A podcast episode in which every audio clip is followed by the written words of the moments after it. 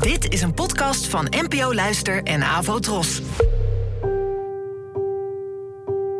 Poëzie vandaag.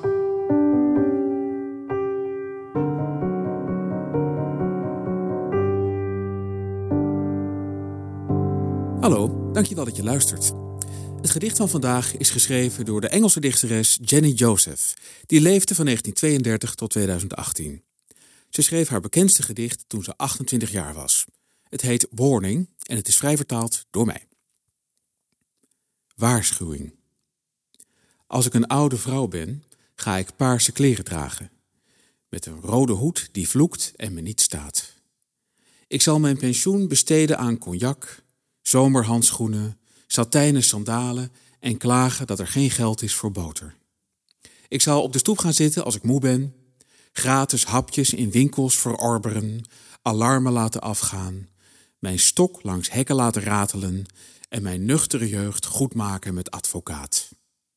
Ik zal op pantoffels naar buiten lopen, de regen in, en bloemen plukken uit andermans tuin. Ook zal ik leren spugen. En jij, mijn liefste, mag afzichtelijke overhemden aan. Steeds dikker worden, drie pond worstjes eten achter elkaar of de hele week alleen maar brood met augurken. Je mag pennen hamsteren, potloden, bierveeltjes, dingen in dozen.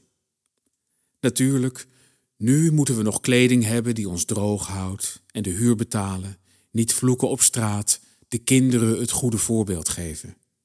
We moeten vrienden te eten vragen en de kranten lezen. Maar mag ik nu misschien alvast een beetje oefenen, zodat de mensen die mij kennen niet te zeer geschokt zijn als ik plotseling oud ben en paarse kleren ga dragen.